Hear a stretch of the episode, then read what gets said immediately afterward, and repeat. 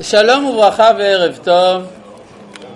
אנחנו ממשיכים בלימוד אה, תורת הנפש במשנתו של הרמב"ם דרך ספרו שמונה פרקים. ואנחנו בערך באחרית, תודה רבה, של הפרק השביעי. בטרם נתחיל, אעיר כאן על שאלה ששאל אותי לפני השיעור ידידנו היקר זאב. זה שלא מדבר הרבה. והוא שאל אותי שאלה שאני מציע שנדון בה שתי דקות, והיא, האם המטרה חיובית מקדשת אמצעים לא חיוביים? ונגיד בצורה יותר פשוטה, האם המטרה מקדשת את האמצעים? אני רוצה, מה? תלוי מה המטרה ותלוי מה האמצעים. זאת תשובה שלך, אני חושב שאתה צודק, אני אגיד את זה באופן כללי, התשובה היא כן. המטרה מקדשת את האמצעים. זה מסיבה פשוטה, האם זה בסדר להשחית מלפפונים? כן. לא, זה לא בסדר. אבל כולם מוכנים לעשות סלט. הכיצד? איך אתה מנתק את המלפפון ממקור החיים שלו? אלא אתה אומר, זה בשביל לעשות סלט.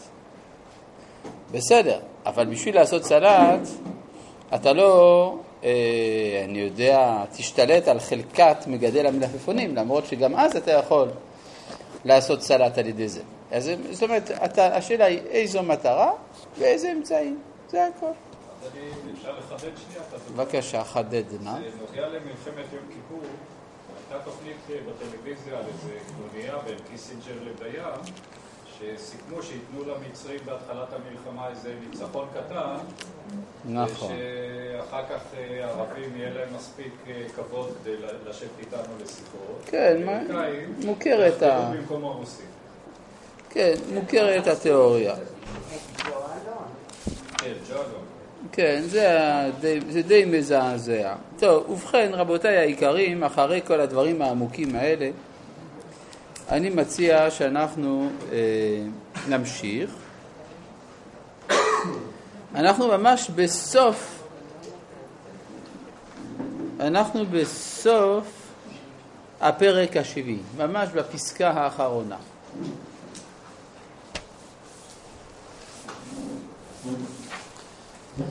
דיברנו, כן, הפרק השביעי, עניינו היה, מה הנושא של הפרק השביעי? המחיצות. מה שמעניין, כלומר, היה אפשר להגיד שהוא מדבר על הנבואה, אבל הוא דווקא בחר לדבר על הנבואה דרך הצד השלילי, דרך המחיצות. יש מחיצות, יש עיכובים בפני ההשגה הטהורה.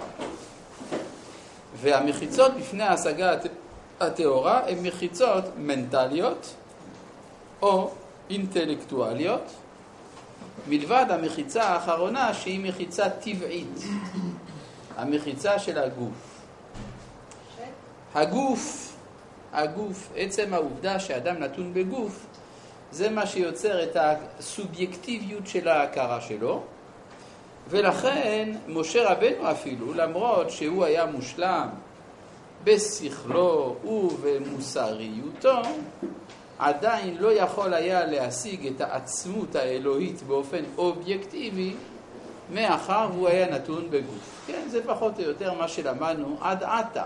דבר נא, מה קושייתך, מה שאלתך, דבר ללא חד, תזרום עם זה. מה הכוונה של הרבי מלובביץ' שהוא אומר שתפסת בעצם, תפסת את אה, כולו. תפסת אה, בקצת מן העצם, תפסת את כולו. זאת האמת. מה זה אומר? אם, אם, אם משה רבנו לא יצטרך לתפוס את העצמות, אז איך אה, כשאתה תופס חלק ממנו, אז אתה יכול לתפוס את כולו? אם תפסת את הזנב של החתול, תפסת את החתול.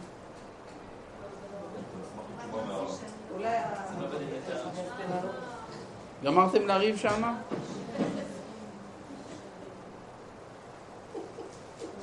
גמרתם לריב שמה? השאלה שלו היא שאלה מצוינת, היא קשורה לנושא. כן, זה קשור לנושא. כן. אמרנו שמשה רבנו לא תפס את העצמות האלוהית, ואתה אמרת בשם הרבי מלובביץ', שאם תפסת חלק מן העצמות, תפסת הכל. הכיצד? הרי משה רבנו אפילו לא תפס. תשובה, משה רבנו לא תפס אפילו חלק מן העצמות. כי אם הוא היה תופס חלק מן העצמות, היה תופס את הכל, כי אין חלקים באחדות. אז אם אתה תפסת חלק מן האחדות, הכוונה שתפסת את האחדות כולה. ומאחר ומשה לא יכול היה לתפוס חלק מן האחדות, אז מילא לא תפס כלום. אז זה בלתי אפשרי. נכון. לכן זה בלתי אפשרי. אבל הוא אומר שזה אפשרי. הוא אומר שזה אפשרי, הרבי מלובביץ'? כן. הוא לא אומר שזה אפשרי.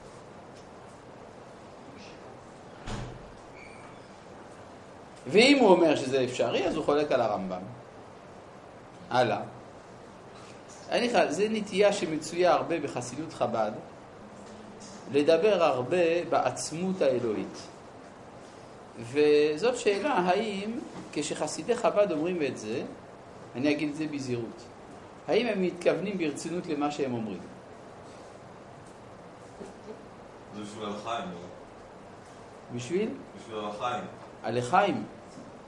לחיים, לחיים. טוב, עכשיו, אחרי ההערה החשובה, הנוגעת לעניין, אני מציע שאנחנו נגיע אל הפסקה האחרונה של פרק שביעי.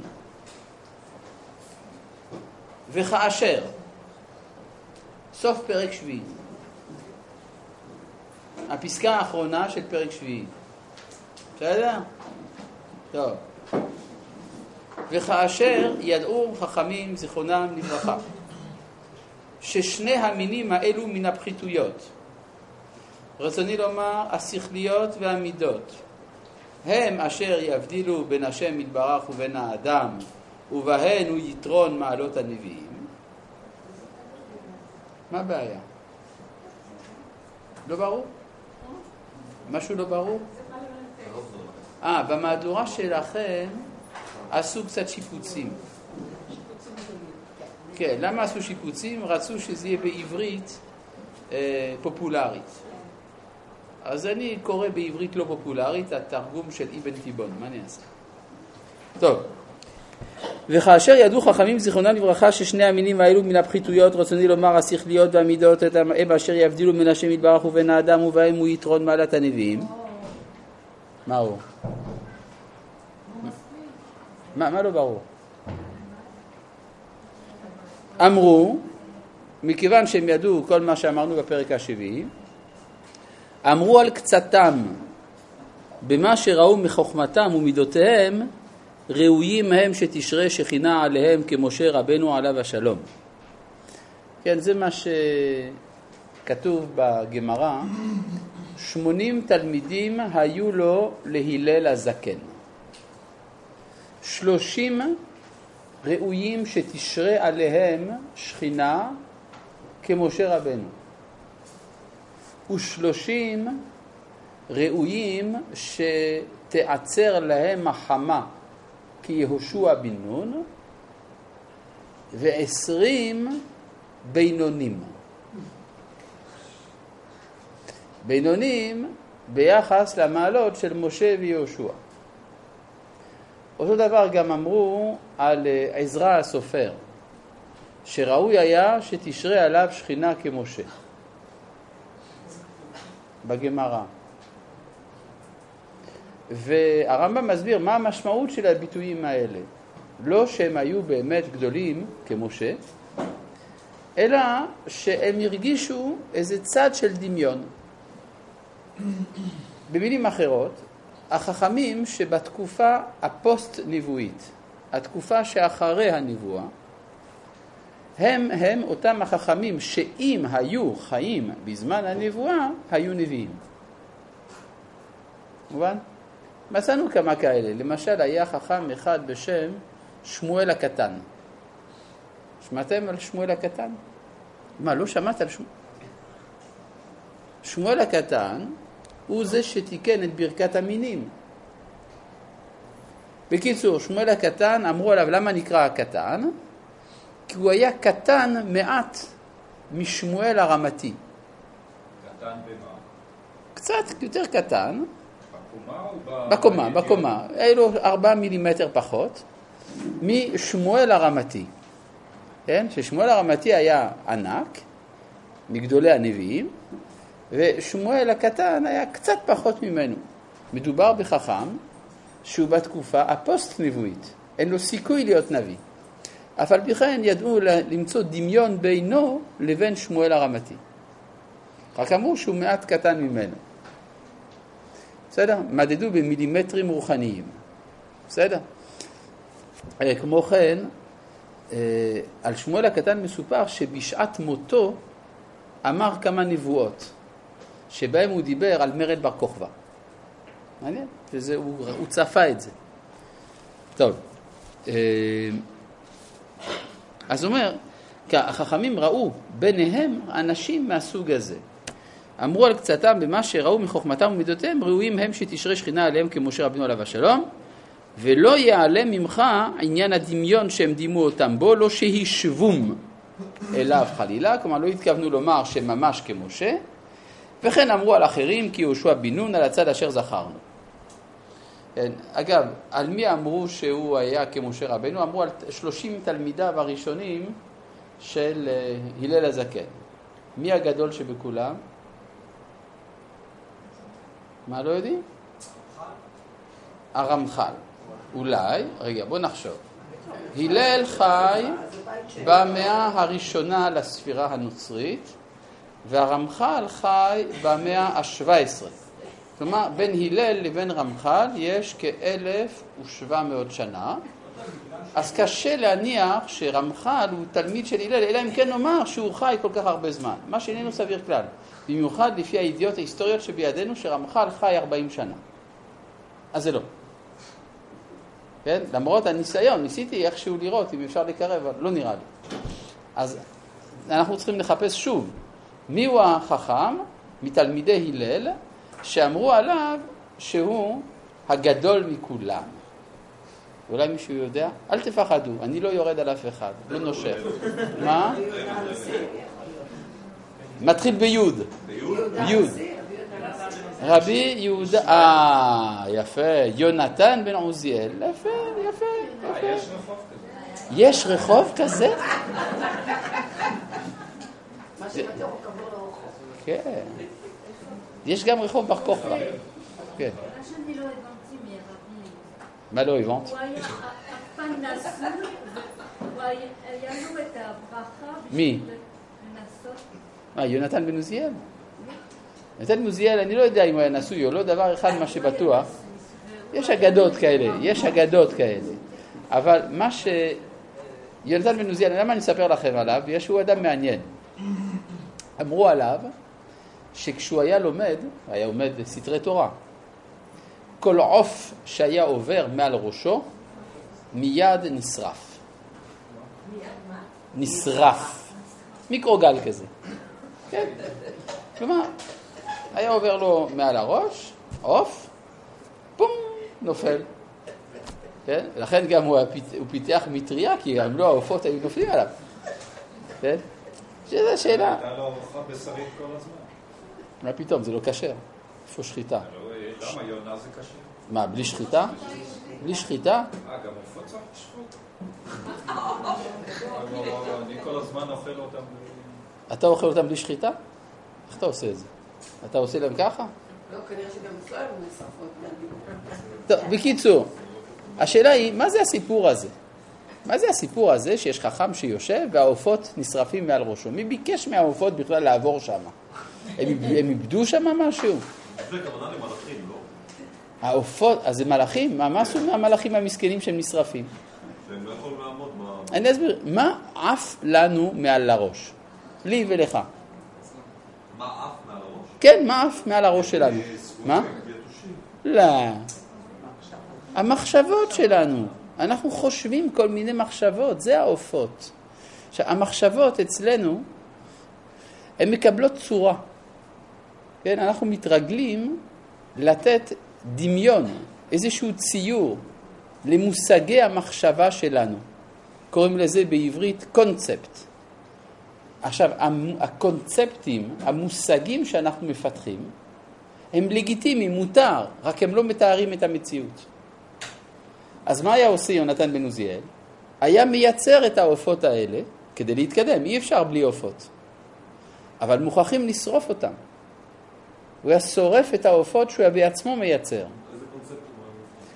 כלומר, כשאתה רוצה להבין משהו בחוכמה העליונה, בדברים מופשטים, אתה מצייר לעצמך כל מיני רעיונות וכל מיני דמיונות, אבל כל זה זה שקר. זה לא לגמרי שקר, זה, זה מותר כדי להתקדם. אבל בעצם אפשר לומר, הציור הוא אמצעי בין הלומד לבין, הדבר הנלמד. כן, היה גם גוי אחד בשם היידגר, מרטין היידגר, הוא הגיע למסקנה הזאת, שבעצם המושגים של המחשבה הם הם המרחיקים אותנו מן הנושא של המחשבה. כלומר, עץ, נגיד, ברגע ש... לך קוראים ראובן, נכון? ברגע שאני קראתי לך ראובן, אני בעצם כבר לא מדבר אליך. אני מדבר אל איזשהו מושג שיצרתי ממך. אני מגדיר אותך וזה עצמו חוצץ ביני לבינך. לכן אם אני רוצה לדעת מי אתה באמת, אני צריך גם לשרוף את ההגדרות שבניתי. אבל ההגדרות עזרו לי כדי להתקרב אליך. אבל מצד האמת, זה חוצץ. אז זה בדיוק מה שהיה עושה יונתן בן עוזיאל. יונתן בן עוזיאל היה מייצר לו עופות, כלומר מחשבות מוגדרות של אותם עניינים מופשטים שהוא היה עוסק בהם, אבל מיד אחר כך היה שורף אותם. מובן?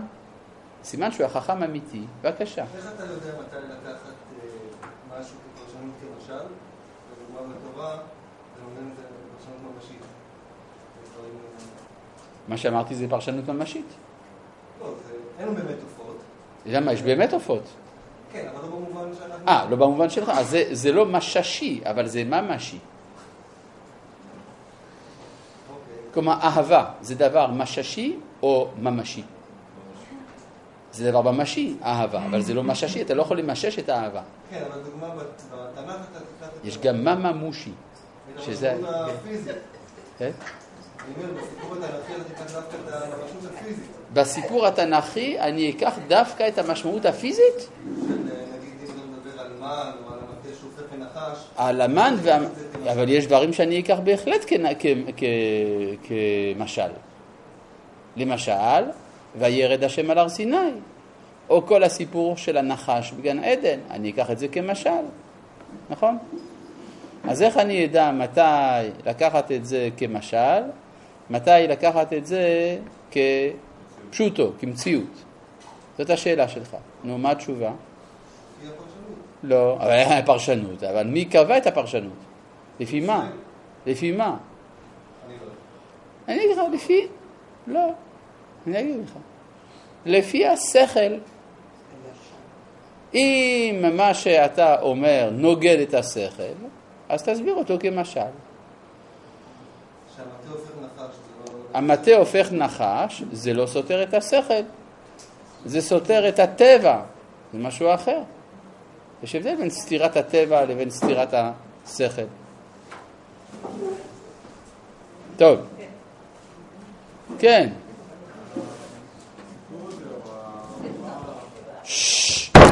מה? ההוראה הרוחנית הזאת, שהציור מחשבה שלנו אחרי זה נסרק, כן, אני מבין שהוא נכון גם לגבי הסמלים הגדולים שלנו. נכון. נגיד כמו העניין של עם. זה איזשהו רעיון, צריך לקדם אותך בעבודה, לאן אתה חותר? בדיוק לאן שאני חותר. למה ש"ס? בוא נגיד את זה אחרת. המושג שאנחנו לא עם סגולה, גם הוא צריך לקדם אותך לאיזשהו מקום ואותו צריך לשרוף?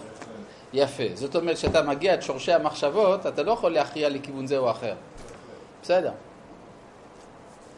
נמשיך הלאה.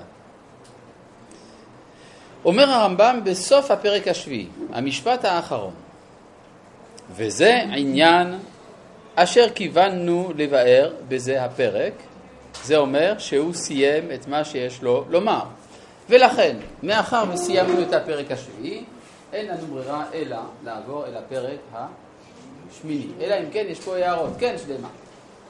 שאלה עקרונית לגבי הנבואה, אה, האם יש אה, ציפייה שהנבואה תתחדש לפעמים? כי למשל בתחילת 18 אין למשל הצהרת הנבואה. אה, ובכלל, כאילו, השאלה היא אם דבר השם של האדם אולי יקבל צורה אחרת, אם לא, לאו דווקא דרך נביאים כמו פעם. זה לא נכון שאין בקשה לנבואה.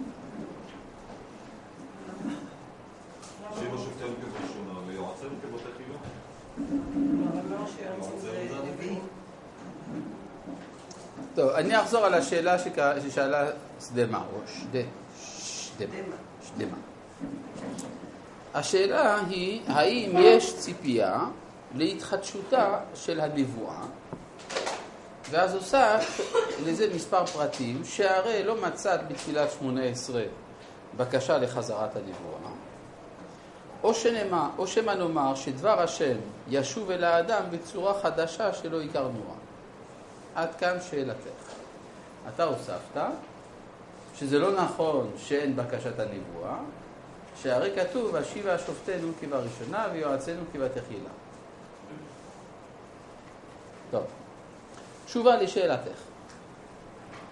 אה, יש ציפייה להתחדשות הנבואה, אבל, מעניין מאוד, שהרמב"ם, למשל, בספר מורה נבוכים, אומר שהבטיחנו הכתוב שתשוב הנבואה באחרית הימים, מצד שני, בספר משנה תורה, הוא לא כתב את זה.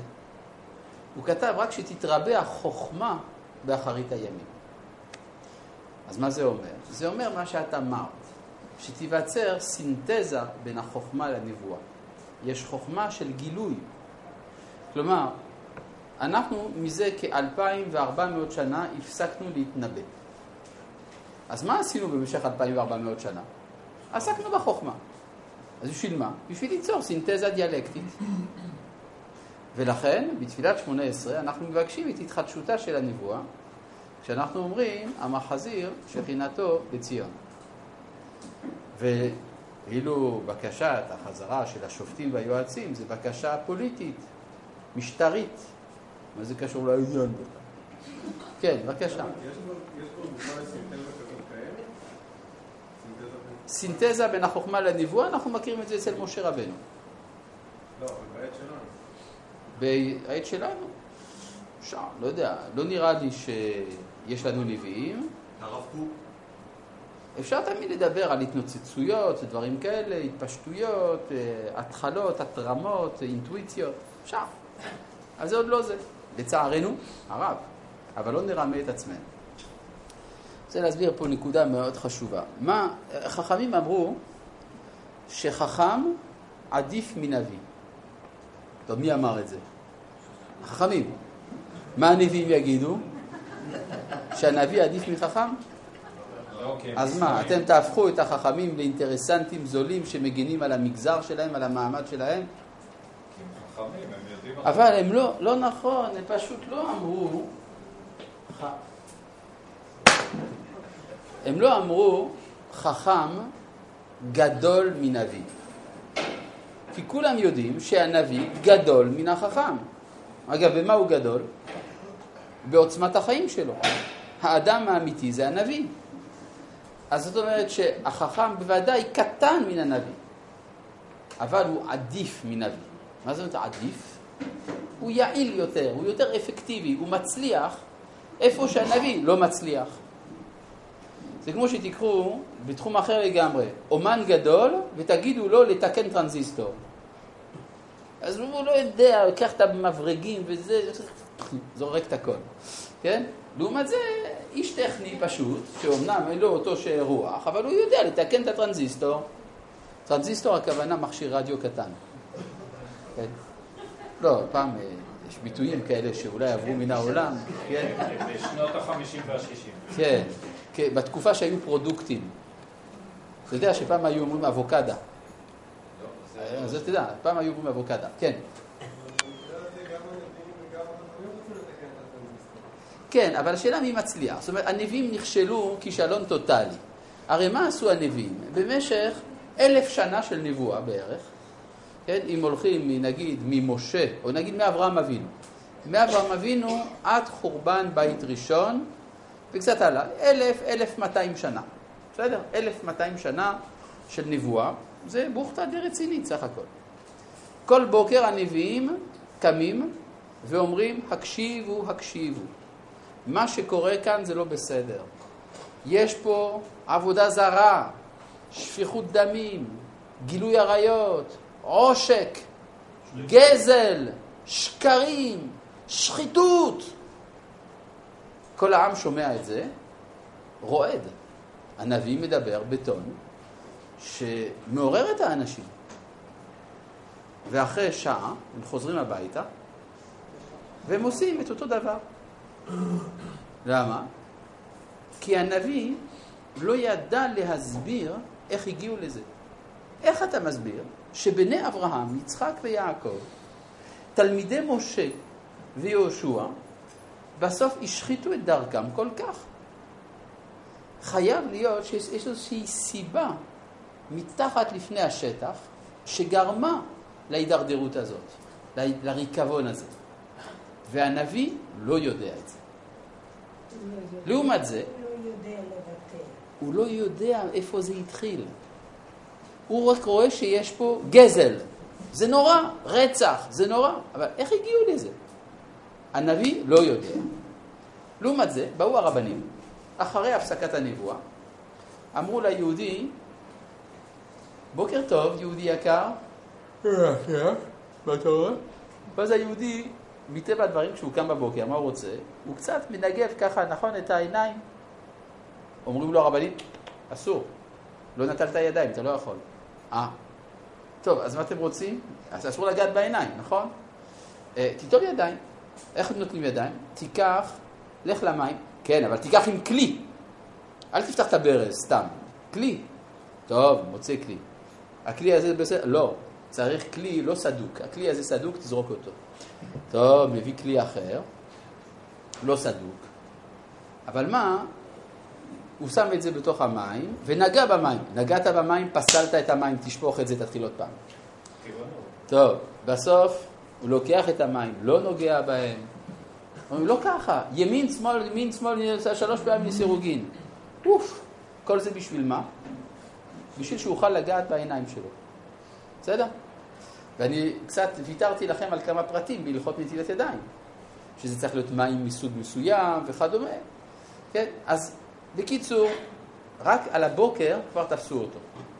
אפילו שמו לו הלכות כיצד לקשור את צרוכי הנעליים. ואיך להתנהג במחילת מכבודכם בשירותים. ואחר כך, בעצם כל מה שהוא עושה לאורך כל היום כולו, בימי חול ובשבתות ובמועדים, ובכל מעמדי החיים, הרבנים הקיפו אותו במיליוני הלכות. מה זה עושה? מתיש. זה מתיש? מה עוד? מה עוד? מה זה מייצר? איזה סוג אדם זה מייצר? זה מייצר אדם ישר, טוב. וקטן. זה יוצר אדם מלא בקטנות. אבל מה? אדם כזה, תפסנו אותו לפני שהיצר הרע התחיל להתפתח. כלומר, בנקודת המוצא, שם עצרנו אותו, בנימים הדקים. ולכן החברה שבנו חכמי ישראל היא חברה שלא רוצחת, לא מגלה עריות, לא עובדת עבודה זרה, לא גוזלת, לא מדברת לשון הרע אפילו. הרב אתה חי במאדים נראה לי. אני חי במאדים? אולי אתה חי בנוגה. בקיצור, לא, כידוע. החברה היהודית בעצם הפכה להיות החברה המוסרית ביותר בעולם. רק מה? כל הגדלות הנפשית, כל שאר הרוח נעלם. עכשיו בעצם במובן הזה אפשר לומר חכם עדיף מנביא. החכמים הצליחו במקום שבו הנביאים נכשלו. אבל, מה? אה? אני מדבר על תקופת אנשי כנסת הגדולה. כשחזרו מבבל, ובסופו של דבר, תוך דור התבטלה עבודה זרה מישראל. אתה לא שומע מכאן ואילך שום בעיה של עבודה זרה אצל היהודים, נגמר. מה? זו התקופה היוונית. הגלות הרע. אה, בגלות, עבדו עבודה זרה? לא. היהודים היו שיכורים או לא? לא. לא. נכון? יהודי לא שיכור. היהודים רחמנים? כן. ידוע על היהודים שהם רחמנים. מה עם המתייוונים? אצל המתייוונים, ההתייוונות איננה של עבודה זרה. ההתייוונות היא של תרבות יוון, והפילוסופיה, וכל התענוגות של יוון. סך הכל לא מדובר. הכל, כל הבעיה זה אם לאכול חזיר או לא לאכול חזיר, כן? על זה הוויכוח. כן? להשתחוות לפסל זהוס. להשתחוות לפסל זהוס, נו באמת. כאילו שהיהודי מתכוון. יש איזה יהודי שהאמין שזהוס הוא אלוה? גם אלה שהשתחוו וזרחו לו. רצו כסף. נכון? רצו כבוד. זאת אומרת שבסופו של דבר, הנבואה נכשלה והחוכמה הצליחה. רק מה? היא עשתה אותנו קטנים. כיוון שעשתה אותנו קטנים, עשתה אותנו עצבנים, פנאטים, קנאים, שונאים אחד את השני. ואז הפכנו להיות חברה של מחלוקת. בסדר, אז יש החסרונות של החכמים. כן, בבקשה. אני לא שומע כלום.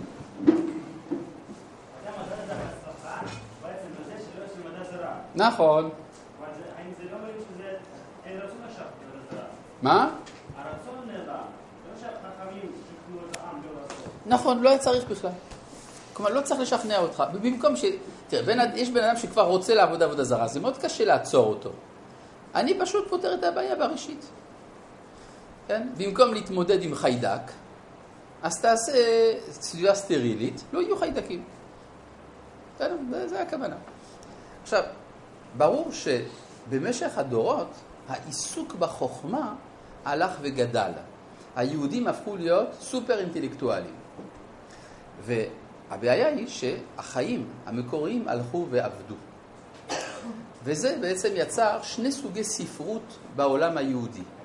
הספרות התנ"כית, שבה הייתה גנוזה הנבואה, והספרות התלמודית, המשנה והתלמוד וההלכה, שביטאה את החוכמה. עד שקם החפץ להשיב את הזהות היהודית לחיותה הקדומה. וכמה? ל... עד שקם החפץ להשיב לזהות היהודית את חיותה הקדומה. וזה יצר את הציונות של המאה ה-19, שחפצה לעלות ארצה, לבנות ולהיבנות מחדש. ולכן דיברו עברית ולא רצו לדבר יידיש. היה יהודי אחד, דוד בן... בן יונה. בן גוריון. דוד בן גוריון, כן, כן, הוא היה לעת מצוא גם ראש ממשלה. והוא קבע שבצבא, ברגע שאתה מגיע לדרגת קצונה מסוימת, אתה צריך לאמץ שם משפחה עברי. אבל, מה זה שם משפחה עברי לדעת בן גוריון? תנ"כי. תנ"כי ואילך. תנ"כי ולפני כן. זאת אומרת, שם מהתקופה של המשנה והתלמוד היה פסול בעיניו. עקיבא זה לא טוב, כן? בר כוכבא זה לא טוב. זאת אומרת, הוא היה מוכן לקבל רק שמות קדומים. וזה ביטוי לריאקציה האנטי-חכמית שקמה בדורות האחרונים. מאיפה זה בא? לדעת הרב קוק זה בא מההשתוקקות של הדור לנבואה. משהו מהנבואה מתחיל להתנוצץ. אז כיוון שזה הולך ומתנוצץ, זה קם בחמת זעם נגד החוכמה. לכן אומרת הגמרא שבאחרית הימים ישנאו את החוכמה.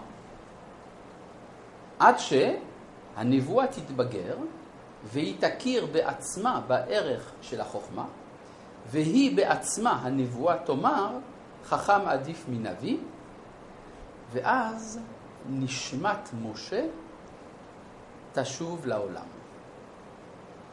זה לגבי השאלה שלך. כן, בבקשה.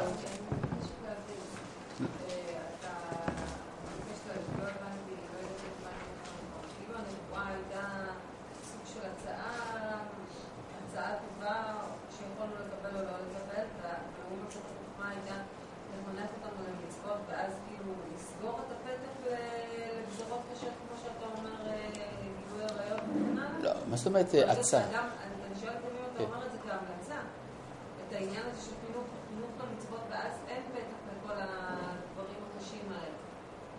לא, לא בדיוק הבנתי למה, סליחה, אני לא בדיוק הבנתי למה את מתכוונת כשאת אומרת המלצה. זאת אומרת, הנבואה כהמלצה, לא הבנתי את זה. אני אמרתי ככה, שהייתה תקופה שבה הנבואה הייתה שורה בישראל, הייתה נבואה, והנבואה פסקה. היא הפסיקה. ואז תפסו... נכון, ההלכות. כלומר, לפני כן... לא? לא, בזמן הנבואה המצוות לא הופיעו בתור מכלול של הוראות בשולחן ערוך מסודר, אלא המצוות היו טבע החיים של האומה.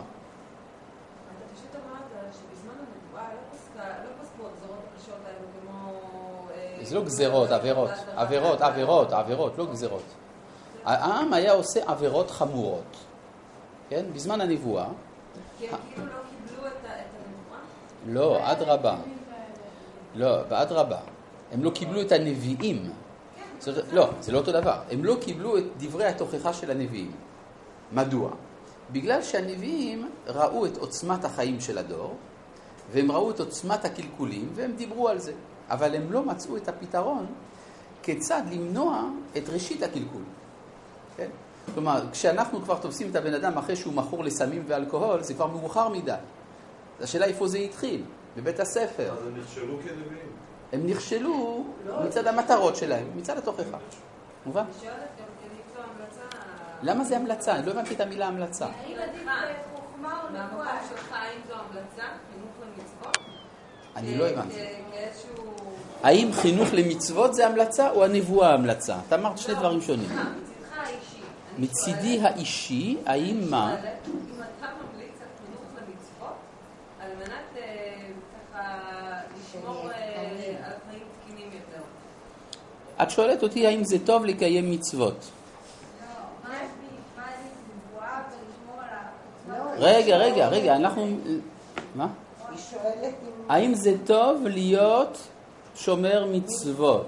כן, מצוות is beautiful. אני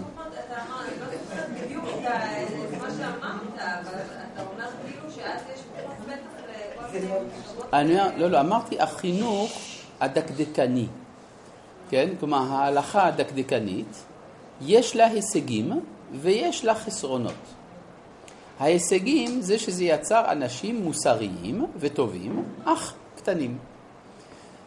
לעומת הנבואה שהצליחה לייצר אנשים ענקים, אך מושחתים. אז מה יותר טוב?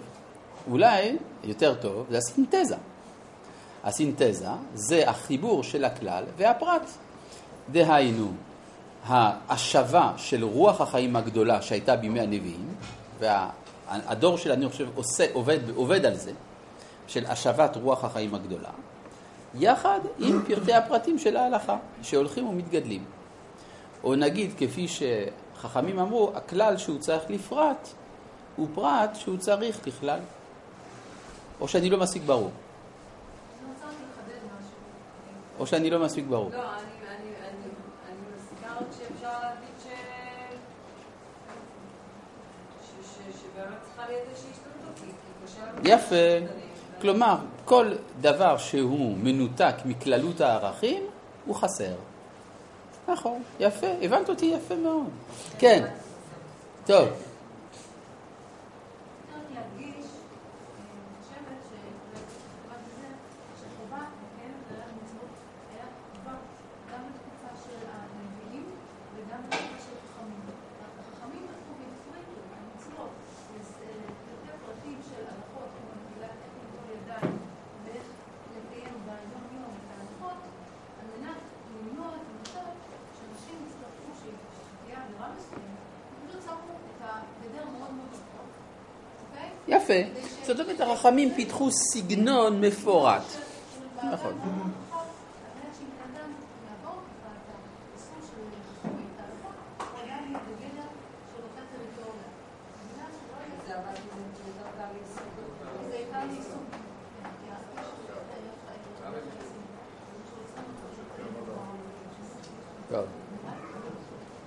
כן, בבקשה.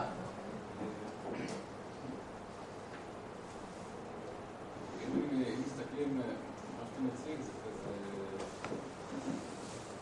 זה מין התפתחות של, אה, של הרוח האנושית, או איזה מעבר ממצב של נבואה למצב של חוכמה. אמת. אה, ויכול להיות שבעצם גם החטא, אם לוקחים את עם ישראל, שבקרבו חיים נביאים, הרבה, הפתיחות הרוחנית שלו יותר גדולה, ואז הוא גם יותר אה, נתון לעבודה זרה. אמת. ואז אני שואל את עצמי, מה הקשר הסיבתי דווקא? כלומר, אם עסקה נבואה בישראל, אז מן הסתם גם אה, לא יעבדו כל כך הרבה עבודה זרה. נכון.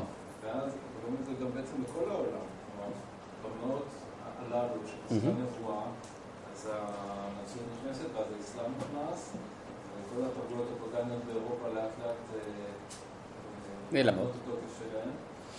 למה דווקא הקשר הסיבתי הזה בין הלכה להפסקת עבודה זרה, כשיש בעצם עוד הרבה נתונים. הבנתי. תראה, אני הייתי רוצה לתת אולי קצת נתונים היסטוריים, שנבין על מה מדובר. קודם כל, כשיש עוצמות חיים גדולות, אז יש גם יצרים גדולים. כלומר, אתה יודע, ניסית פעם לרצוח מישהו? סליחה על השאלה האישית. מה אתה רוצה שהוא יענה לך?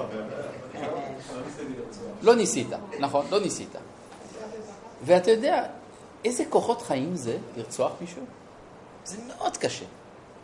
כלומר, לא מדבר שאתה לוקח, שולף אקדח, כן? שזה דבר יחסית קל. בתקופה קדומה, מקל. כן, עם מקל או עם רומח. בכלל, המלחמות של פעם, זה מלחמות שטבעו במשך ש... שעות רבות מגע פיזי מול האדם השני. זה לא, זה לא עוצמות שאנחנו מכירים אפילו אצל הלוחמים שלנו היום.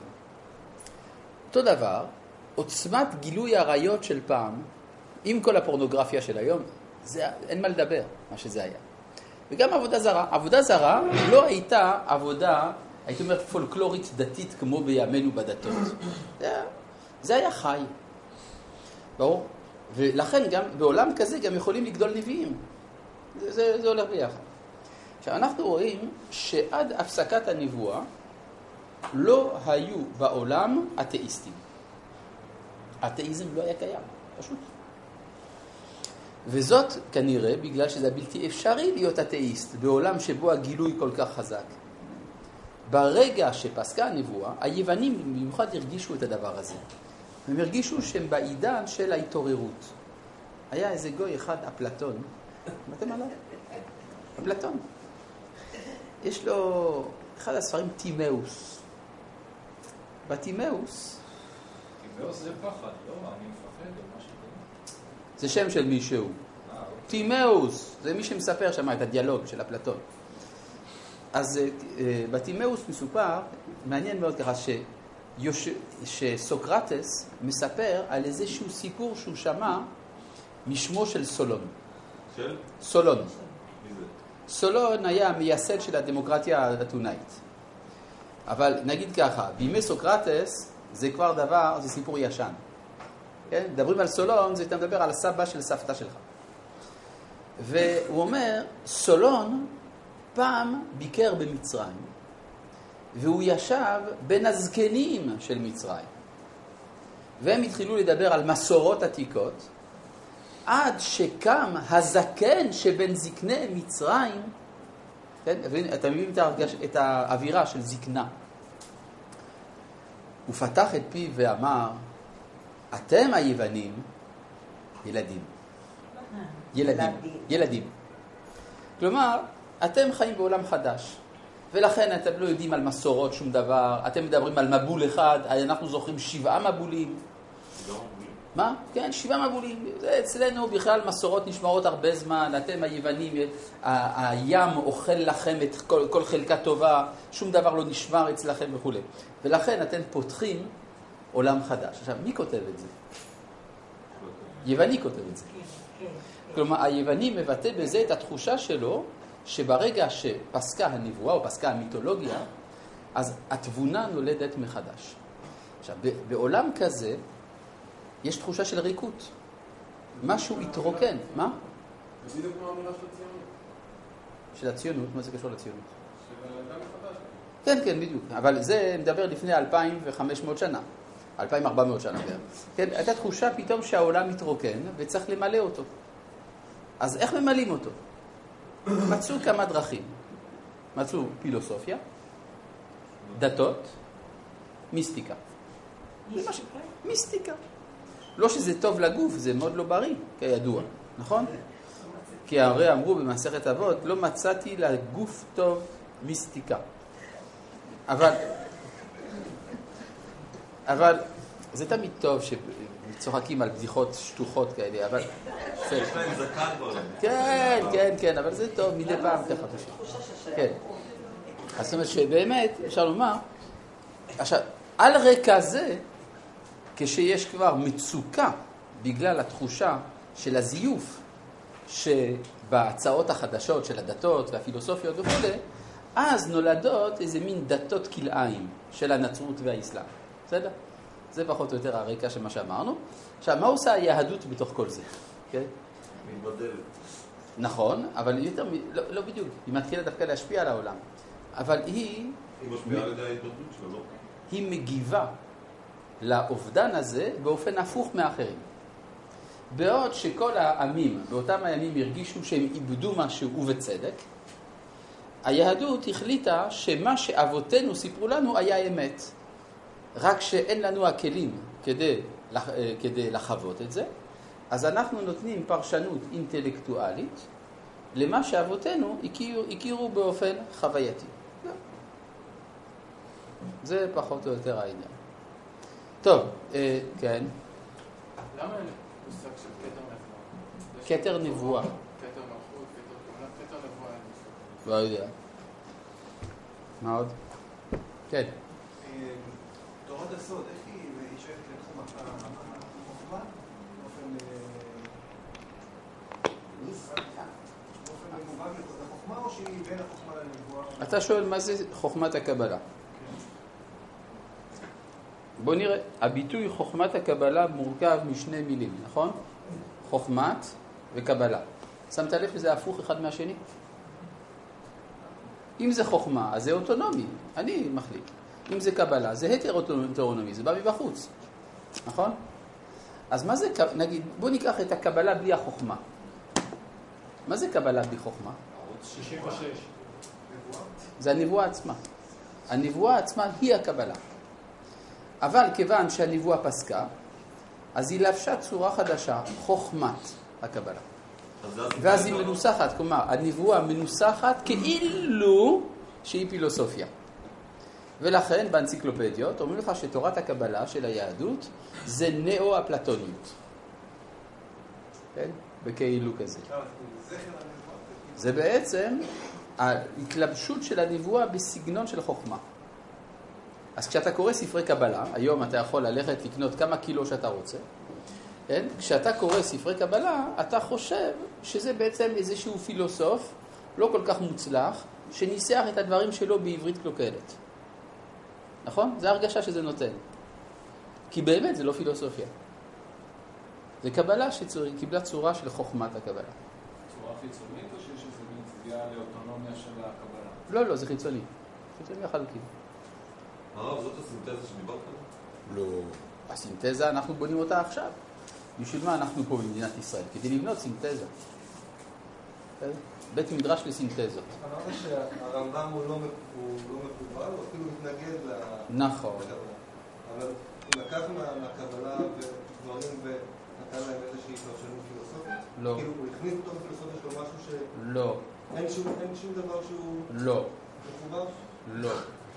לא? הוא שאל האם יש איזשהו יסוד של קבלה, של תורת הקבלה, במשנתו של הרמב"ם. אבל- מה? אני חו... מי אמר ש... מי דיבר עכשיו? שאלנו פעם את השאלה הזאת. אה, אתה אומר שהקבלה לא הגיעה אליו. הוא הכיר את הקבלה לפי... יש בנושא הזה חמש דעות. הדעה הנכונה היא הדעה שלי, והיא שהרמב"ם הכיר את הקבלה והתנגד לה. כן. בשני מקומות, במורה נבוכים. כבוד הרב, אפשר לשאול? כן.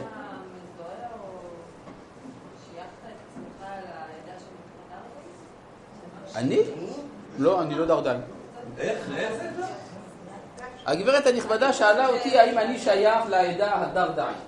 דרדאי.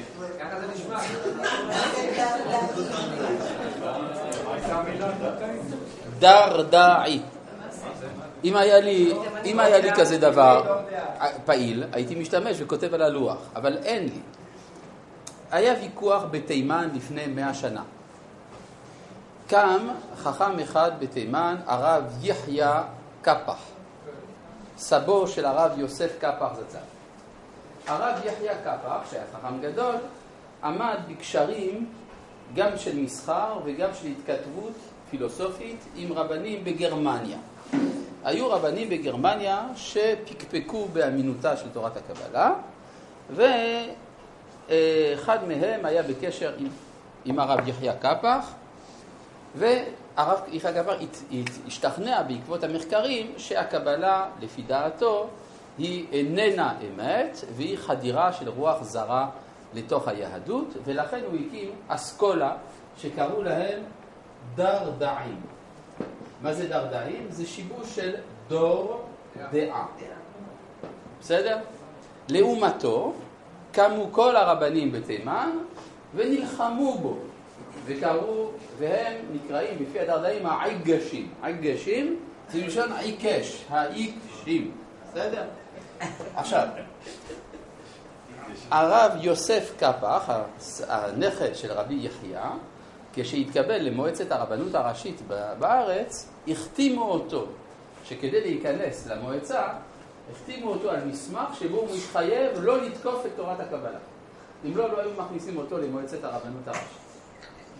בסדר? עכשיו, על רקע, זה היה הרקע של מה זה דרדאי. עכשיו, הגברת הנכבדה שאלה אותי האם אני שייך לאסכולה הדרדאית, והתשובה היא לא. נשמע שאני תומך? למה? תודה, אני. פשוט שאלו אותי שאלה פשוטה, מה הייתה דעת הרמב"ם ביחס לקבלה? אני אמרתי שהרמב"ם מכיר את הקבלה והתנגד לה, זה הכל. הרמב"ם היה דרדאי. הרמב"ם לא היה דרדאי בגלל שזה עוד לא היה קיים בכלל, בסדר? אבל הרמב"ם היה לו סגנון אחר מהמקובלים, והוא התנגד לדרדאים. הוא התנגד, סליחה, התנגד לקבלה. התנגד לקבלה, בסדר. בסדר, זה הסיפור. בסדר. אני דווקא לא דרדאי, מה אני יכול לעשות? אתה לא יודע למה זה ישתמע. זה כמו שתשאלו אותי, האם, האם הנוצרים, האם הנוצרים חושבים שהאב, הבן ורוח הקודש אותו הדבר? אם אני אגיד לכם שכן, אז מה תגידו? אה, אז אולי אתה נוצרי? לא, אמרתי מה שהנוצרים חושבים, זה הכל. בסדר, טוב. אה, יש עוד שאלות על הפרק השביעי? אני אמרתי, יש חמש דעות ביחס ליחס של הרמב"ם אל הקבלה.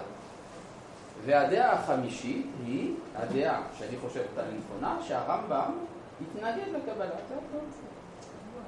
יש לך, מה? אבל במה- כשאתה לימדת אותנו, אז הרבה פעמים נכנסת לדברים שככה גם הקבלה חושבת, שהרמב"ם אמר. לא, זה שיש נקודות מגע. בוודאי, יש נקודות השקה מעניינות ומרתקות בין המקובלים לבין הרמב"ם, רק שצריך לדעת שזה לא אותו הדבר. והרמב"ם, גם כשהוא מגיע למסקנות הקרובות לקבלה, זה מתוך נקודת מוצא שונה לגמרי. זה הכל. בסדר. טוב, כן, בבקשה. מהי בעיני הרמב"ם תורת הסוד? תורת הסוד היא מעשה בראשית ומעשה מרכבה. מה? מתקופת התלמוד. רק מה אומר הרמב"ם? כל המסורות שהיו בידי אבותינו בנושא הזה עבדו מן העולם מאז שהגויים הטיפשים הרגו את חכמינו. ככה הוא אומר. אף על פי כן, גם בתוך דברי הרמב"ם עצמו יש לפעמים רמזים למסורות עתיקות שהגיעו עד אליו, ושזה לא מן הנמנע לשייך, לשייך אותם במידה מסוימת לתורת הסוד, יעיין נא כבודו בדבריו המפתיעים בפירושו למשנה במסכת חגיגה, פרק שני, משנה א'. בסדר? טוב. אה, אז זהו, גמרנו את פרק שביעי? אפשר להתחיל את פרק השמיני, מה דעתכם? וואלה, טוב. הפרק השמיני הוא בדיוק כמו הפרק השביעי והשישי, איננו שייך למבנה האורגני של ספר שמונה פרקים. לא, לא שייך באופן אורגני. באיזה מובן? מההקדמה עד סוף פרק חמישי, כל הפרקים קשורים זה בזה כחוליות בשרשרת. הם הכרחיים כדי להגיע להשקפת עולם מלאה. לעומת זה, הפרקים השישי, השביעי והשמיני עוסקים בסוגיות חשובות שיכולות לעמוד בפני עצמן. הפרק השישי עסק ב... ביצר הרע, הפרק השביעי עסק בנבואה, והפרק השמיני, והוא הפרק אשר אנחנו נעסוק בו היום, הוא עוסק בבחירה החופשית. בסדר? הבחירה החופשית. שאלה רצינית מאוד. אגב, זה באמת פרק ארוך מאוד. מה זה הבחירה החופשית? הבחירה החופשית, שאלו פעם את רבי נחמן מברסלב מה זה. מה הוא אמר? הוא אמר הכל לטובה. אין ייאוש בעולם כלל. גוואלד זייט כאן מייאש. איך, איך? גוואלד זייט כאן מייאש. ווס איז דוס? לא, זה הוא גם, הוא גם אמר. טוב, בקיצור, רבי נחמן ברסלב שאלו אותו פעם מה זה הבחירה החופשית, והוא אמר, אולי יש פה ספר ליקוטי מוהר"ן אגב? כן. אם אפשר לקבל ליקוטי מוהר"ן. הנה מאחור.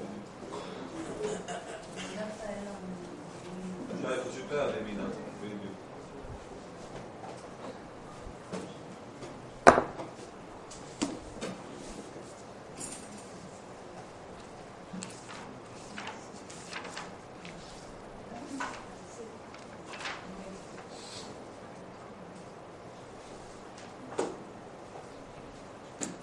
בחלק שני, מה שנקרא ליקוטי מוהר"ן תניאנה, בסימן ק"י.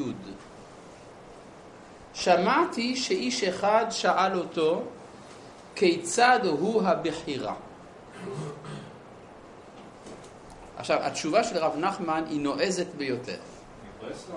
כן, רבי נחמן מברסלב.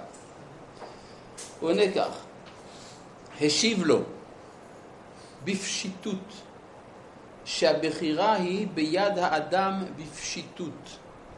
אם רוצה, עושה, ואם אינו רוצה, אינו עושה.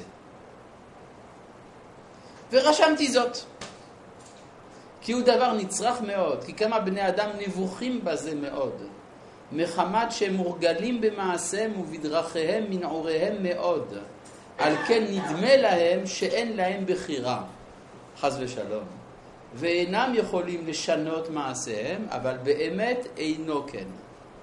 כי בוודאי יש לכל אדם בחירה, תמיד, על כל דבר, וכמו שהוא רוצה, עושה. והבן הדברים מאוד. אתה מבין עד כמה שזה נועז, האמירה הזאת? האדם המודרני בדרך כלל איננו מוכן להכיר בדרגה כזאת של חירות אצלו.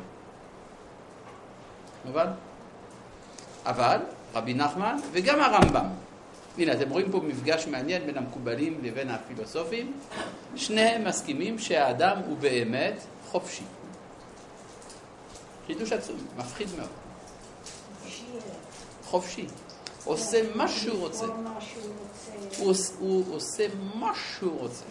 הוא רוצה לעשות טוב, עושה טוב, רוצה לעשות רע, עושה רע. אין שום דבר שמכריח אותו. אני רואה כבר את ההיסוס הרב אצלך. הוא אה. התשובה היא לא. כלומר, הנה, אתם רואים מה שוורה אמרה, יש חינוך, יש רקע, כל מה שאומרים בתור נסיבות מקילות לשופט. וכל זה לא נכון. כי נגיד שיש לי טראומות מהילדות ומהתעללות ומהיעדר, אה, מ- או מהיעדר ידע ונתונים גנטיים דפוקים. כל זה. אבל עכשיו, עכשיו, אני נולד מחדש. אני יכול עכשיו להתנהג אחרת, אם אני רוצה. נכון? כך שיוצא שאני בן חורין בכל רגע ורגע. וכמו שאמרו החכמים דוברי היידיש, אליפת מת. מה שהיה, היה. מת. מובן? אין דבר שמכריח אותי, לא לא לשם. אמת או לא? טוב, זו נקודה מאוד מאוד לא פשוטה. יש למשל, ב...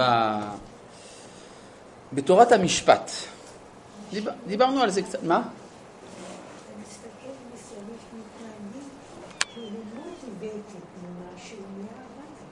כמו מה? הלוואי והאדם היה באמת חי את הרגע.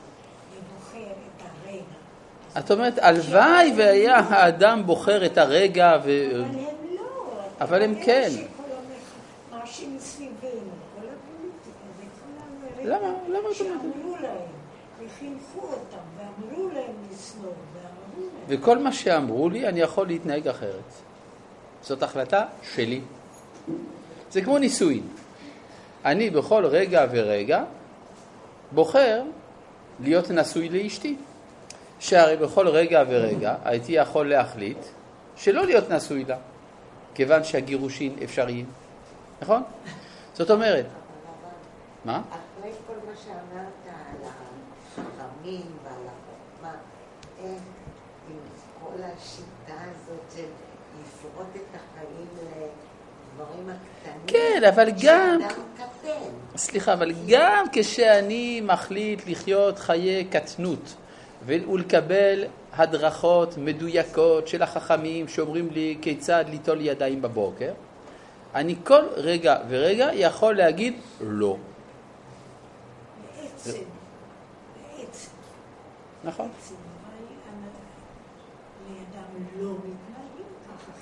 בני אדם לא מתנהגים אדם לא כך? לא, הם מתנהגים כך. כן.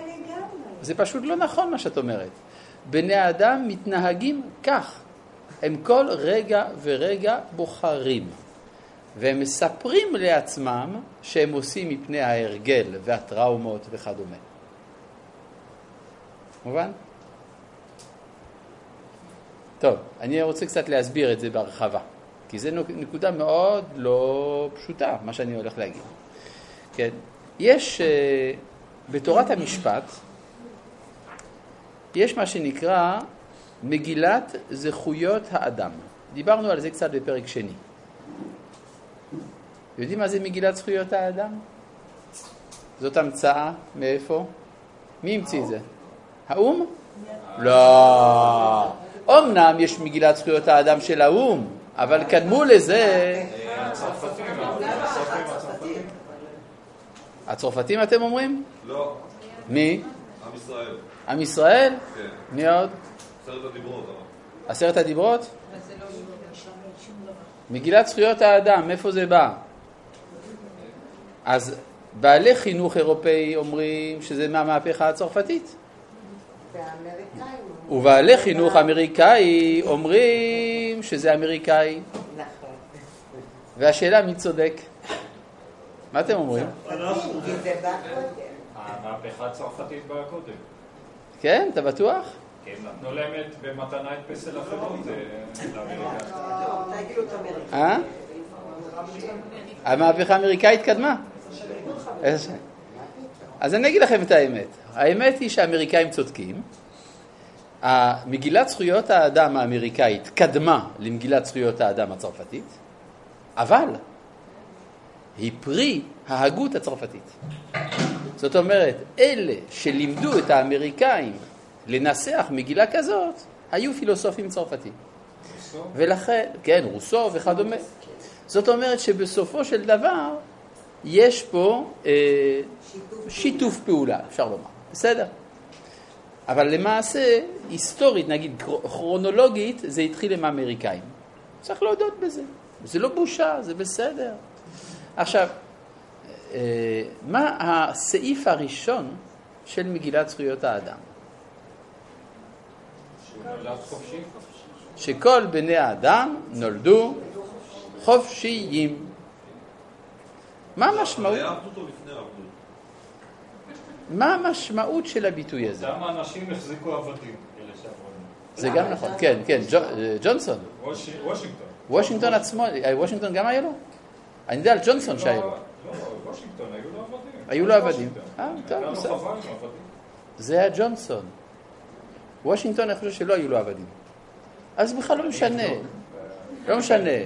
היום אין עבדים, לא לזה ולא לזה. טוב, עכשיו נשאלת השאלה, מה המשמעות של הביטוי הזה שכל בני האדם הם בני חורין? למה התכוונו אלה שכתבו את המשפט הזה? יפה. שהחוק הבסיסי איננו מרשה לעצור בעד האדם לעשות מה שהוא רוצה. נכון? כלומר, האמירה הזאת היא אמירה משפטית. מאוד חשוב להבין את זה. מגילת זכויות האדם היא מגילה משפטית. ולכן, יש המשך לסעיף הזה. מה ההמשך של הסעיף? כל עוד אינו פוגע בחירות של השני, ויש המשך לסעיף הזה, איך ייקבע הגבול בין החירות שלי לחירות של חברי? מגילת זכויות האדם אומרת דבר מדהים, זה ייקבע על ידי החוק. כלומר, כל, המש... כל המסמך הזה הוא מסמך משפטי. מה המסמך הזה איננו אומר? המסמך הזה איננו אומר האם אני באמת בן חורין או לא. אם אני באמת בן חורין או לא, זה לא כתוב שם. כלומר, אני יכול לעשות מה שאני רוצה, זה המשפט, אבל למה אני רוצה את מה שאני רוצה? אולי בגלל שאני מוכרח לרצות. בזה מגילת זכויות האדם לא נקטה שום עמדה. היא לא אומרת האם האדם במהותו הוא חופשי במעשיו או לא. אלא היא אומרת רק מה שאדם רוצה לעשות אל תמנע בעדו. אם הוא נולד עכשיו- בן חורים, אז... עכשיו זהו, והוא נולד בן חורין משפטית. זאת אומרת, שאם האדם אוהב ללעוס מסטיקים, אסור לך למנוע ממנו ללעוס את המסטיק. נשאלת השאלה, אבל מה הביא אותו לרצות את זה? זה המגילה לא אומרת. עכשיו אני הייתי רוצה אפילו לומר יותר מזה. באיזשהו מקום, אולי מסתתרת מאחורי זה איזושהי השקפה, שהאדם באמת איננו בן חורין, ומאחר והוא איננו בן חורין, אין לו ברירה אלא לרצות את מה שהוא רוצה, ולכן זה לא יהיה הוגן למנוע ממנו להתנהג כפי שהוא רוצה. הרי הוא לא יכול שלא לרצות ללעוס מסטיק. אז זה ממש לא פייר לאסור עליו את לעיסת המסטיקים. אלא אם כן זה פוגע בחירות של מישהו אחר. אבל זה בדיוק מה שזה אומר. כלומר, הרי האדם לא אסמסטיק כי אין לו ברירה. עכשיו, למה אין לו ברירה? יש כל מיני סיבות. לכל הסיבות כולן קוראים בעברית במילה אחת. דטרמיניזם. דטרמיניזם. הדטרמיניזם אומר שאני מתנהג כפי שאני מתנהג מסיבות מכריחות. עכשיו, מהן הסיבות שמכריחות אותי? יכולות להיות, אז יש פה מתנדבות כל השקפות העולם להסביר לך למה. למשל, בגלל שאתה במזל דלי. או ב... מה? מה את אומרת? לא שומע. לא. שיש מה? בחירה חופשית את מתכוונת. יש כאילו, אה, בתוך זה. יש בתוך זה מה? מציאות. מה מציאות? כן. שהיא נותנת לנו הכרח לבחור בחירות מסוימות. כאילו, זאת אומרת, אני חייבת מכוח המציאות לבחור בין זה לזה. אני לא יכולה לבחור ג' כי בכלל זה לא נתון. יפה. כלומר, אני לא בוחר את הנתונים, אני כן בוחר את התגובה. כלומר, הנתונים כפויים והתגובה חופשית. זה אני מקבל לחלוטין. זאת אומרת, אני לא יכול לבחור עכשיו לעוף. לא יכול, אין לי כנפיים. אני יכול לבחור איך להגיב לזה. בשמחה, בעצב וכדומה. לא, היא לא בערבון מוגבל, היא חופשית לחלוטין בתחום של התגובה, והיא כפויה לחלוטין בתחום הנתונים. אה, קרה לי אסון, כן. נכון, אבל, אבל אני יכול לה- לה- להגיב לזה כך, אני יכול להגיב לזה אחרת. נכון? לא יכול לא. אני לא יכול לא להגיב לזה, נכון, נכון. זה אני חופשי בעל כורחי. כלומר, נכפתה עליי הבחירה החופשית. זה אני מקווה. כן, בבקשה. מה? לא שומע. נכון. זה מצוין. נגיד, הנשמה שלי בחרה לאיזה הורים להיוולד. אבל אחרי שבחרתי, זה הפך להיות נתון. כלומר, אני יכול לקדם, להתקדם לקראת נתונים, אבל אחרי שהם נתונים, אז הם כבר קפואים. בסדר? אני לא יכול עכשיו להחליט שההורים שלי הם לא ההורים שלי. לא יעזור, מה? מאיפה נולדה האמירה הזאת שהנשמה בוחרת לאיזה הורים להיוולד? מהאמת. אה, איך אנחנו יודעים את זה? מה... אוקיי, זה נושא בפני עצמו, אני לא יכול לפתוח אותו עכשיו. אוקיי. זה נושא חשוב מאוד. כן, זאב שואל שאלה ממש בעניין, לעניין, באמת. הוא שואל, מאיפה בא הרעיון הזה שהנשמה בוחרת מה להיות, את, או מי להיות, בסדר? לאיזה הורים להיוולד. אז אני אמרתי, זה נושא חשוב מאוד, אני לא יכול לפתוח אותו בזמן הקצר שיש לנו עד המבזק. אבל אני רוצה להסביר פה משהו לגבי הדטרמיניזם. יש השקפות עולם דטרמיניסטיות ממינים שונים. יש כאלה שאומרים שאני כפוי להיות מה שאני בגלל מזל דלי. למשל שלך. או יש כאלה שיש להם מזל עקרב, או מזל טלה, או מזל אה, שור, או מזל מאזניים, או בתולה, או, תגיד, או דגים. יש הכל. אבל ההורוסקופ שלי בעצם קובע לי מה להיות. קוראים לזה דטרמיניזם אסטרולוגי.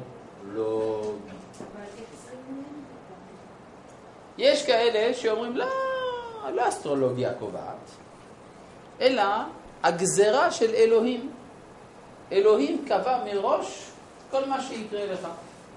קוראים לזה מכתוב מן אללה.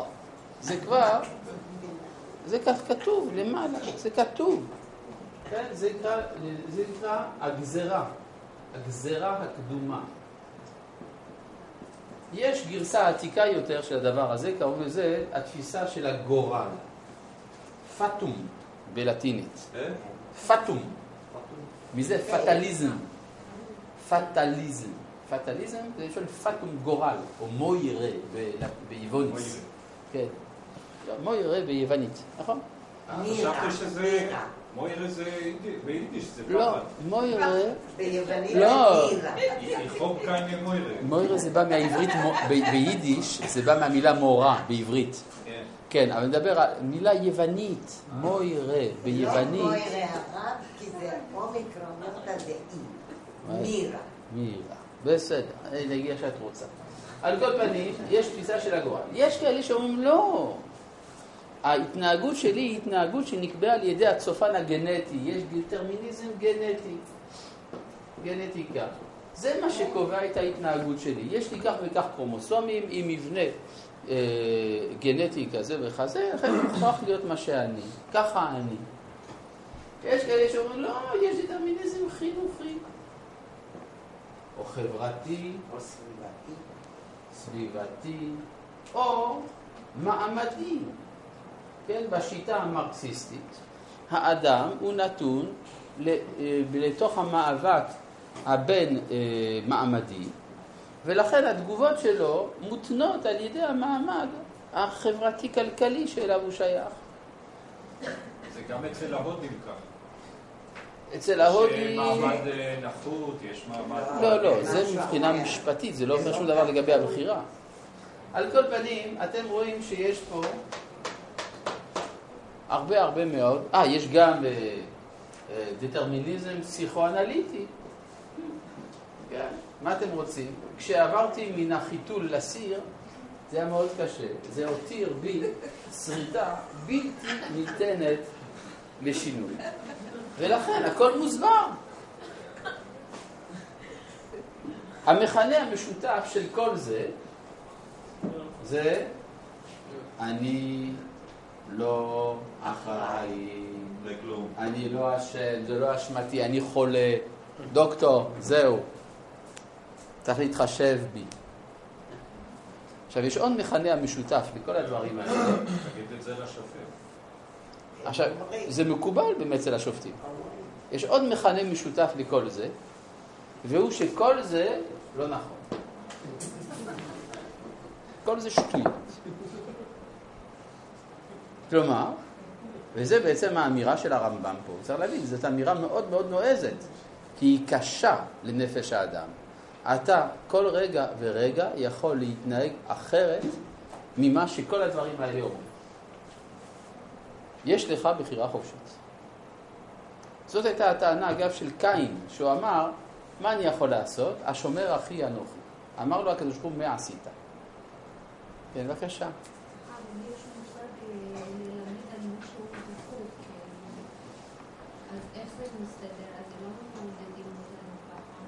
את שואלת, יש מושג ללמד זכות. אז לכאורה זה לא אותו דבר. אין שום קשר בין ללמד זכות לבין להגיד שאדם הוא לא אחראי. זה שני דברים שונים לגמרי. ללמד זכות זה הכוונה לשפוט שמן הסתם האדם כשהוא עשה את המעשה הזה התכוון לטובה. למשל אני רואה בן אדם עובר ליד הבסטה, מסתכל ימינה שמאלה, לוקח עגבניות, שם לתוך הסל, ממשיך. מה זה ללמד זכות? לא להגיד הוא מסכן ולא לימדו אותו, משהו אחר לגמרי, אלא אולי יש לו איזה הסכם עם בעל הבסטה, אולי הוא עכשיו גובה חוב, אולי, אה, זה נקרא ללמד זכות, משהו אחר לגמרי, בבקשה. אני לא יודע לגבי שאר הדברים, אבל בפסיכואנליזה, משהו פתולוגי, זה נטוס בבחירה באופן מוחלט. לא נכון, ואני אסביר לך. משהו פתולוגי איננו מונע את הבחירה החופשית, באיזה מובן? כשאני ישן, למשל, יש לי בחירה חופשית? לא, נכון? אבל יש לי בחירה חופשית איפה לישון. כלומר, אם אני הולך לישון ליד כלי אה, בדולח, זה ברור שתוך כדי שינה הם יישברו, כי אני אסתובב, ולכן אני אשם בזה. מה שאין כן, אם בזמן שאני ישנתי שמו לידי כלים, אני פטור. הלכה מפורשת, בגלל שזה לא אני עשיתי את זה. אותו דבר, אדם שנתון לבעיה פסיכוטית חמורה, האם זה אומר שהוא לא אחראי להזהיר את הציבור, לקחת את התרופות, אה, להודיע על כך וכדומה? או לתפקד, לדעת איך, כיצד הוא מתפקד עם בני משפחתו וסביבתו בעקבות העובדה שהוא כזה. כלומר, הנתון הפסיכוטי הוא הפסיכולוגי, בסדר, הפסיכ, הפסיכ, הפסיכופתולוגי, הוא נתון כפוי עליו. אבל מה הוא עושה עם הנתון הזה? תלוי בו. כן. הזכרת קודם את קין, רציתי לשאול שאלה, כן. בקשר לסוף הפרק השביעי. כן. בעצם הצגת איזושהי תפיסה התפתחותית שהאדם נהיה יותר ויותר אה, נניח מצומצם או נפרד מאלוהים. מהמם. אה, ובעניין של קין, אומר לו, הרי אם תטיב סט ואם לא תטיב סט, אתה בטח אתה תרובץ ואתה תמשול. נכון. אז הוא אומר לו שבעצם לא משנה איזה קורבן אתה תישא, גם אם תיטיב סט, אז אתה בעצם צריך להתמודד. לא, לא, לא, לא קראת את הפסוק נכון, סליחה. הרי זה בדיוק העניין. הרי קין, כשהוא ראה שהקורבן של הבל נבחר ולא הקורבן שלו, אז כתוב ככה, וייחר לקין מאוד, ויפלו פניו. אז יש פה שני דברים, גם חרה לו מאוד וגם נפלו פניו. חרה לו בגלל שהקורבן של הבל התקבל ולא שלו. ויפלו פניו בגלל שהוא חשב שאין לו ברירה אלא להיות כזה. שאין לו ברירה אלא להיות כזה. כלומר, קין חשב שקנאתו היא קנאה כפויה עליו. כי לא ייתכן שהוא לא יביא קורבן מן הפסולת, ולא ייתכן שהבל יהיה, לא יהיה יותר טוב ממנו, ולכן הקנאה הזאת היא קנאה כפויה, ולכן גורלו מר.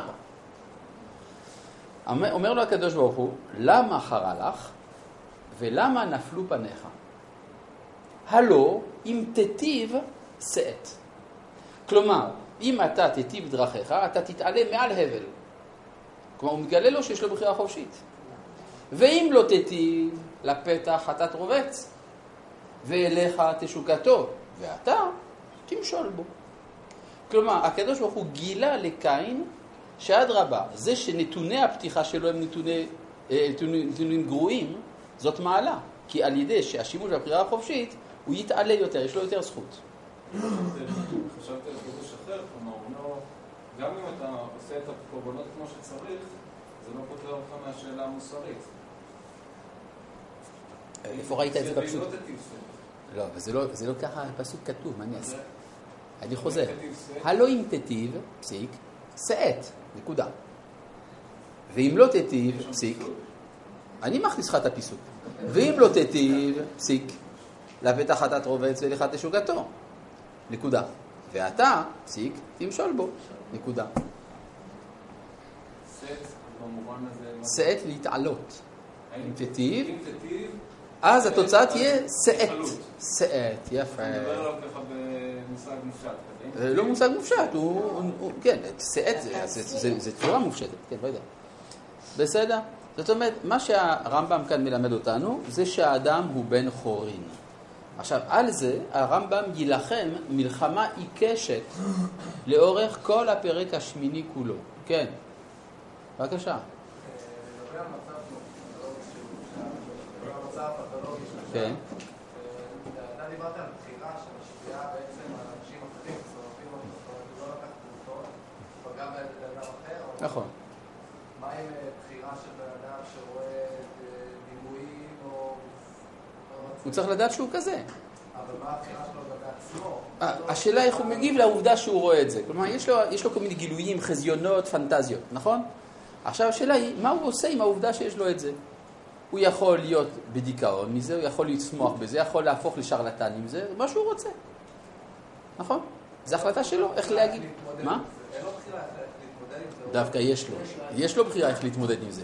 אולי אין לו בחירה שזה לא יהיה, אבל יש לו בחירה מה לעשות עם העובדה הזאת. בסדר?